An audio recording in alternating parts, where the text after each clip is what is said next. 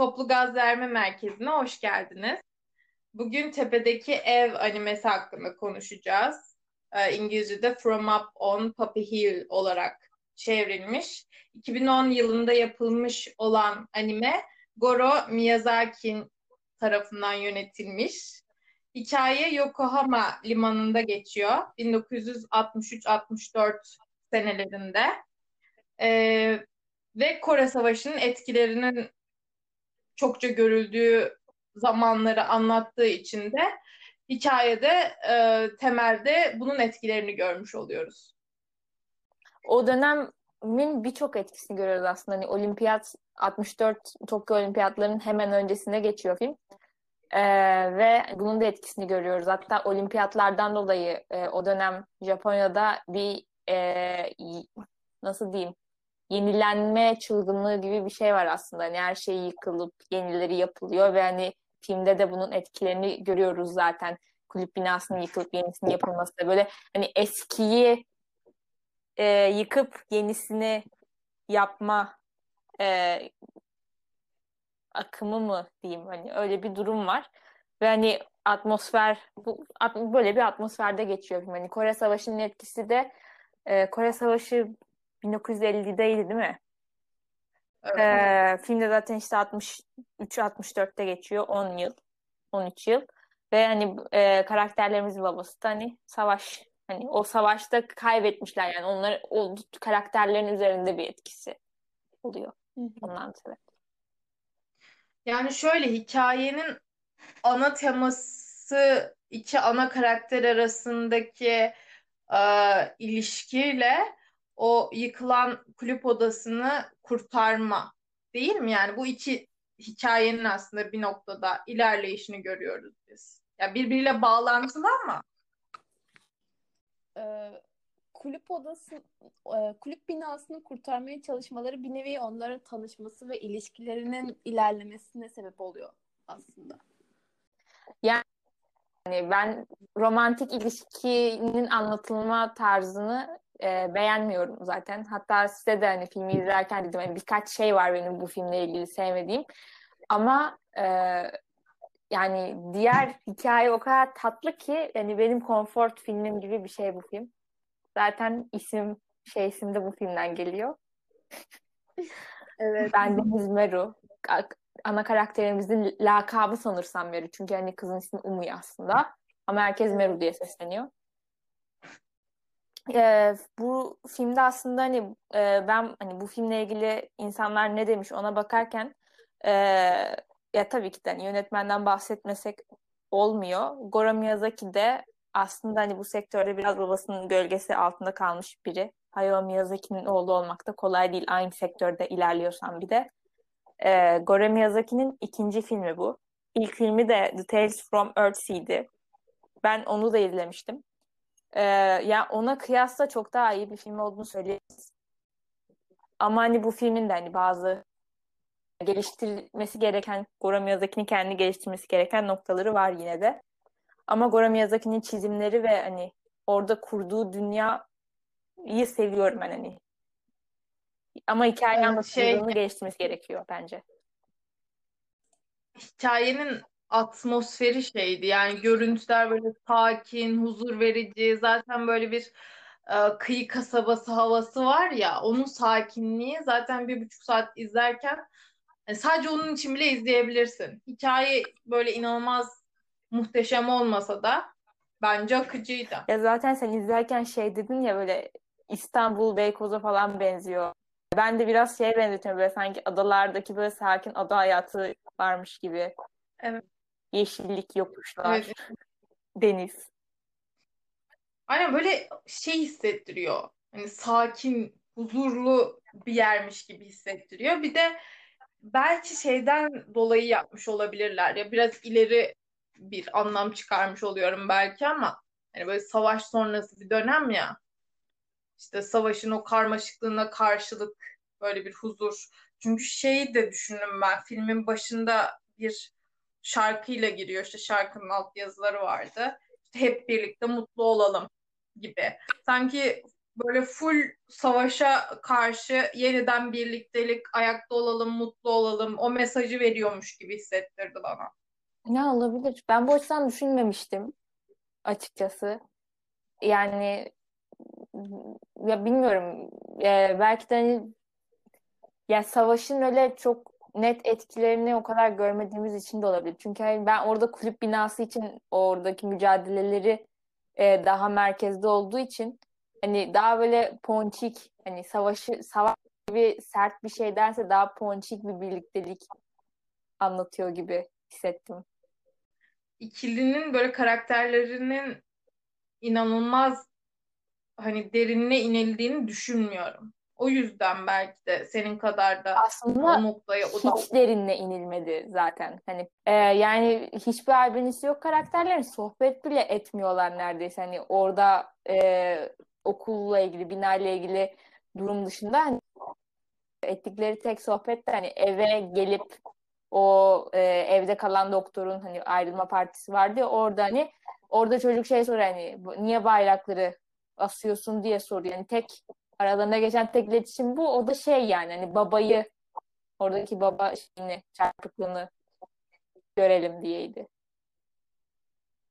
Ya ben şöyle düşünüyorum. Orada hani baba konusunda bir çarpıklık demiştin ya. Ondan ötürü bence iki karakterde arasında derin bir ilişki kurulamadı. Yani kardeş olma ihtimalleri onların bir nevi sevgili olarak görmemizi ihtimali düşürdü. Ve azıcık yani birbirine karşı o sevgiyi görebildik bundan dolayı bence.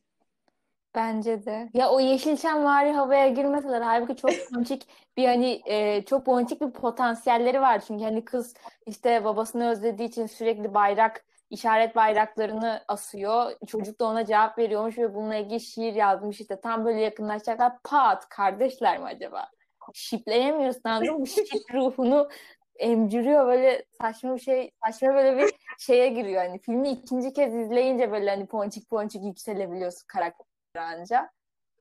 Ya çünkü hani şey var yani kardeşler mi bunlar? Ama kardeş yani kardeş değillerdir diyorsun ama yine de yani engelliyor filmden aldığın zevki. Ya şöyle oldu hatta biz bunu beraber izlerken de size söylemiştim. Hani bence kardeş çıkmayacaklar ama o o küçük ihtimal bile o kadar rahatsız ediyor ki ve onları şipleyememek o an.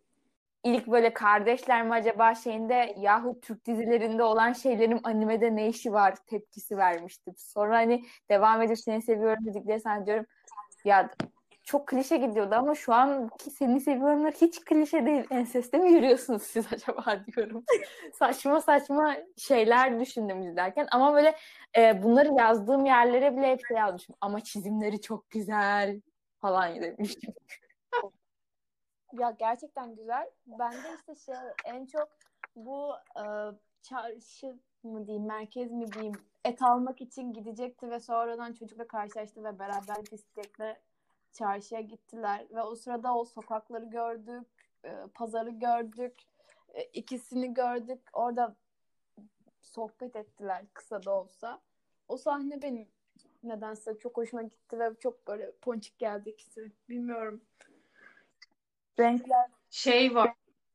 Yani ben o sahneyi mesela e, koyma sebeplerinin biraz da şu olduğunu düşündüm. Sonrasında üç toplanıp Tokyo'ya gidip adamla konuşuyorlar ya bina yıkılmasın diye. Orada da Tokyo sokaklarını mesela çok detaylı göstermiş. Acaba şey gibi bir durum muydu? Hani ay yine bu noktaya geliyorum ama savaştan sonra hani Tokyo toparlanıyor. İşte köyler hala bu halde. Yine böyle bir geçiş evresini yansıtmak için belki yapılmış bir detay olabilir. Olabilir çünkü şöyle ben nedense televizyonda siyah beyaz bir e, adam ve şarkısına takıldım ve bu gerçek bir sanatçı. Gerçekten mi? O zamanlar evet 1941'de doğmuş ve bu şarkı gerçek. Ve adam uçak kazasında ölmüş bu arada zamanında. Yani o dönem o dönemlerin şarkısını siyah beyaz bir televizyonda vermeleri Ece'yi biraz haklı çıkarıyor olabilir. Gerçekten o zamanın görüntülerini vermek istemiş olabilirler. Şarkıyı ben beğenmiştim o yüzden merak edip baktım açıkçası. Evet ben de filmin bütün müzikleri çok güzel ama o şarkının böyle farklı bir havası var. Evet. Ya işte e, bir de şey kısmı bence hoştu. Hmm, bu müzakere günü mü de- Evet. demişlerdi o güne. Galiba. Hani böyle kez bir toplandı. İşte o, o sahne bence önemli bir noktasıydı filmin. Evet ya orada zaten şey e, şey direkt söylüyor ya bak direkt ben onu hatta onu alıntılayıp yazmıştım. İlla bir şeyleri yıkmak istiyorsanız kafanızla kafalarınızın içindeki odunlardan başlayın. Eskinin eşyalarınız tarihimizi de yok etmiş olursunuz. Bizden önce yaşayıp ölmüş insanlara hiç mi saygınız yok? Geleceğe taparak geçmişi unutan insanların gelecekleri de olmaz. Demokrasi azınlıkları yok saymak değildir. Film olarak çok bakmadığım için e, eski yeni eskiyi ne derece itmeliyiz ve hani eski yapıları ne derece yık- yıkıp yerine yenilerini yapmalıyız. Hani İstanbul'da yaşıyoruz sonuçta hani tarihi bir şehir. Sürekli ama sürekli bir değişim halinde İstanbul bir yandan. Ve hani eski eserler zarar veriliyor, yok ediliyor. Şöyle ben geçen gün İlber Ortaylı'nın bir paylaşımını gördüm ve camilerimizin korunmadığı ve bozulduğunu anlatıyordu İstanbul'da özellikle bu Boğaz'da bulunan e, tarihi eserlerimizin ve bu açıkçası beni çok üzdü. Yani, düşünüyorum bu hani hem bizim kültürümüzü yansıtıyor ya turizm açısından da bir katkıları var. Nasıl biz bunun yok olmasına göz yumuyoruz anlamıyorum açıkçası. Ya benim garip biraz ama bu filmi izlemeden 10 dakika önce falan bitirdim. Yine bir reklam olsun buradan. Deutsche Welle'nin bir şeyini daha işte bölümü daha izledim. E, Süryanilerden bahsediyordu. Mardin'de yaşayan işte nüfusları sanırım şimdi ya- yanlış olmasın. Çok az kalmış yani hepsi yurt dışına göç ediyorlarmış falan filan. E şimdi bu insanların dilleri e, şimdi burada da şeyi görünce hani azınlıkları görmezden gelmek değildir demokrasi deyince biraz bizim ülke canlandı Herkes- kafamda. Yani şeyin olması gerekiyor belki. Ya burada iki tarafa da çok fazla görev düşüyor ama hani bir azınlık olmayan kesim tarafından imkanların sağlanması gerekiyor. Azınlık olan kesime, azınlık olan kesimin de kendi kültürünü gerçekten çok iyi şekilde öğrenmesi ve hani bir şekilde koruması gerekiyor Evet, gibi bence de. hissettim. Haklısın. Bilmiyorum. Yani ülkemizde herkes aslında azınlık olduğu için bir şeylerin. Yani kalabalıklardan bahsedemiyoruz aslında bence bizim ülkede. Ya ben bunu şeyde hissediyorum. Şimdi ben Kürt'üm ama Kürtçe bilmiyorum ve hani ve mesela annemle babam Kürtçe biliyor ama ben ve kardeşim Kürtçe bilmiyoruz ve abim de sadece anlıyor. Ve bizim çocuklarımız mesela hani biz öğrenmezsek asla bilmeyecekler ve bu gittikçe olan tamam Kürtler çok kalabalık, Kürtçe o kadar hani hemen, hemen yok olacak bir dil değil. Hani Türkiye'deki en kalabalık azınlık nüfusu Kürtlere ait. Ama yine de mesela kendi ailemizde yok oluyor. Çünkü hani Kürtçe mesela hani Kürtler çok kalabalık olabilir ama mesela herkesin Kürtçesi birbirinden biraz farklı aslında. Ve bizim Kürtçemiz yok oluyor aslında. Çünkü gençler bilmiyor. Ya bir de şöyle bir durum var. Mesela bazıları dediğin gibi ya ben bunu etraftan da duyuyorum. Atıyorum an- annesi babası bu kültürü kendi çocuğuna geçirmek istiyor olabilir. Ama çocuk etraftan gördüğü tepkinin etkisiyle o kültürü almak da istemiyor. Otomatikman azınlık olduğu için. Bunu özellikle biz e, bu edebiyat dersinde işlemiştik.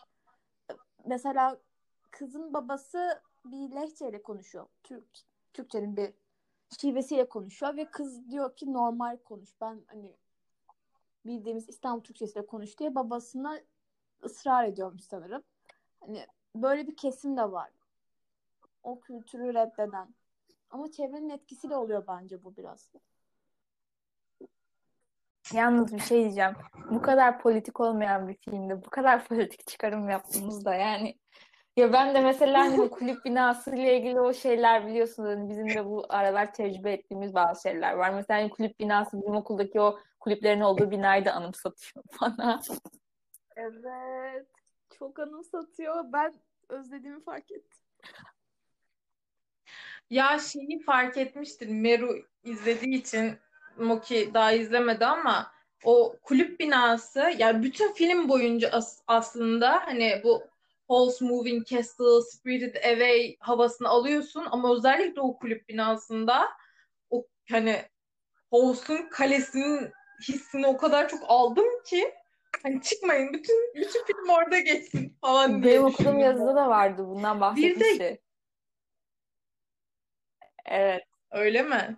İşte bir de şey yani mimariye olan ilgimden midir nedir? Bu bu çizimdeki detayları böyle gerçek hayata falan geçirmek istiyorum. Mesela şey merdiven çıkıyor ve merdivenin sonunda böyle küçük kulübe gibi bir var. Orada felsefe kulübünün girişi falan filan.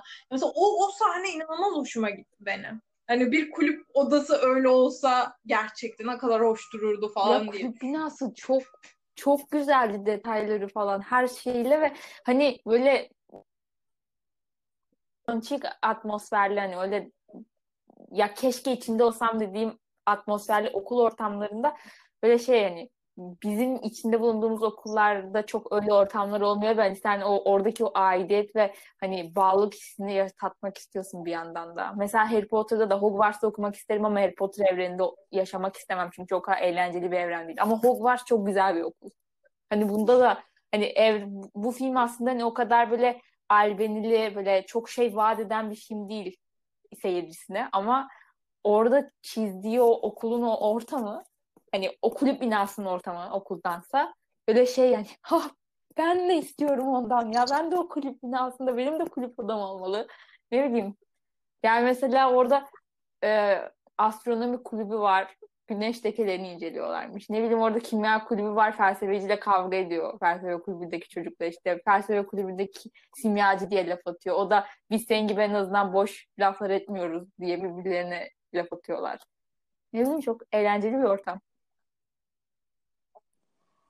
Evet. Ya açıkçası binanın içini temizlediler ama ben onu kirliyken de dağınıkken de çok sevmiştim. Ya bir da o dağınıklıkta bile bir şey var. Nasıl diyeyim? Bir aitlik, bir sevgi, bir sanat var. Zaten öyle düşünenler de varmış ya. Hani Shun Meru'ya bunu söylemişti. To- o tozun ve kirin de tarihin bir parçası olduğunu düşünenler varmış ya. Kalabilirdi bence açıkçası. Ya ama hani örümcek ağları falan vardı lütfen. O kadar da kalmasın. Örümceklerden hoşlanmıyorum. Ya şey hani o edebiyat odasında işte yazı yazıyorlar, basıyorlar. Hani o eski aletlerle falan. Yani onu, onu yapmak ben de istedim açıkçası. İlgi alanına göre bir şey yapmak, hele bunu arkadaşlarınla yapmak, hele bir de lisedeyken yapabilmek bence büyük bir keyiftir. Aç- açıkçası bunu yaşamak çoğu Evet, insan çoğu insan diye nasip olmaz. düşünüyorum. Ama Evet, evet. Yaşamak isterdim. maalesef. Ve hani toplayalım, toplayalım. Evet evet toplayalım. Arkadaş. Sadece ben şey diyeceğim. Orada astronomi güzeldi. Yani şey dedi ya güneş çok yaşlı ve bizim ömrümüz çok kısa olduğundan hiçbir şey bulamadık daha. Çok aynen ya. Bir de o işte ım, yönetici olan adamın hani gençlik mi o falan böyle kaçtılar mı işte gençlik böyle bir şey falan Hayır orada da okulun müdürü falan böyle göz deviriyor. Hani böyle içinden saydırıyor muhtemelen orada olan her şeye. Ama gelen hani o yönetici tatlı bir adamdı. Evet.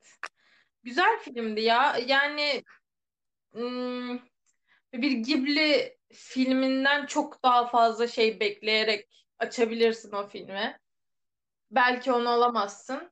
Ama izlediğine de Evet pişman ya olmazsın aslında bence. şey Öyle biraz bir hani film. bunun da baskısı var ya şimdi Goro Miyazaki herkes hani Miyazaki isminin getirdiği bir ağırlık var. Hani ben şahsen hani Goro Miyazaki şimdi e, 3D animasyon yapıcı, yapıyormuş. Animasyon dünyasına girmiş galiba ve ben çok üzüldüm çünkü o iki tane animesi var zaten Goro Miyazaki'nin ve ikisinin de çizimleri harikulade ve aslında hikaye anlatımını geliştirmesi gerekiyor bence Goro Miyazaki'nin ama bunu bırakıp animasyona yöneldiği için kalbimi kırdı. Neyse toplayalım. Hadi kapatalım. O zaman ben mi kapatıyorum? Tamam. Vero kapat. Ee, Toplu Gazze Merkezi'nin bölümünün sonuna geldik. Umarım beğenmişsinizdir. Görüşmek dileğiyle. Görüşmek üzere.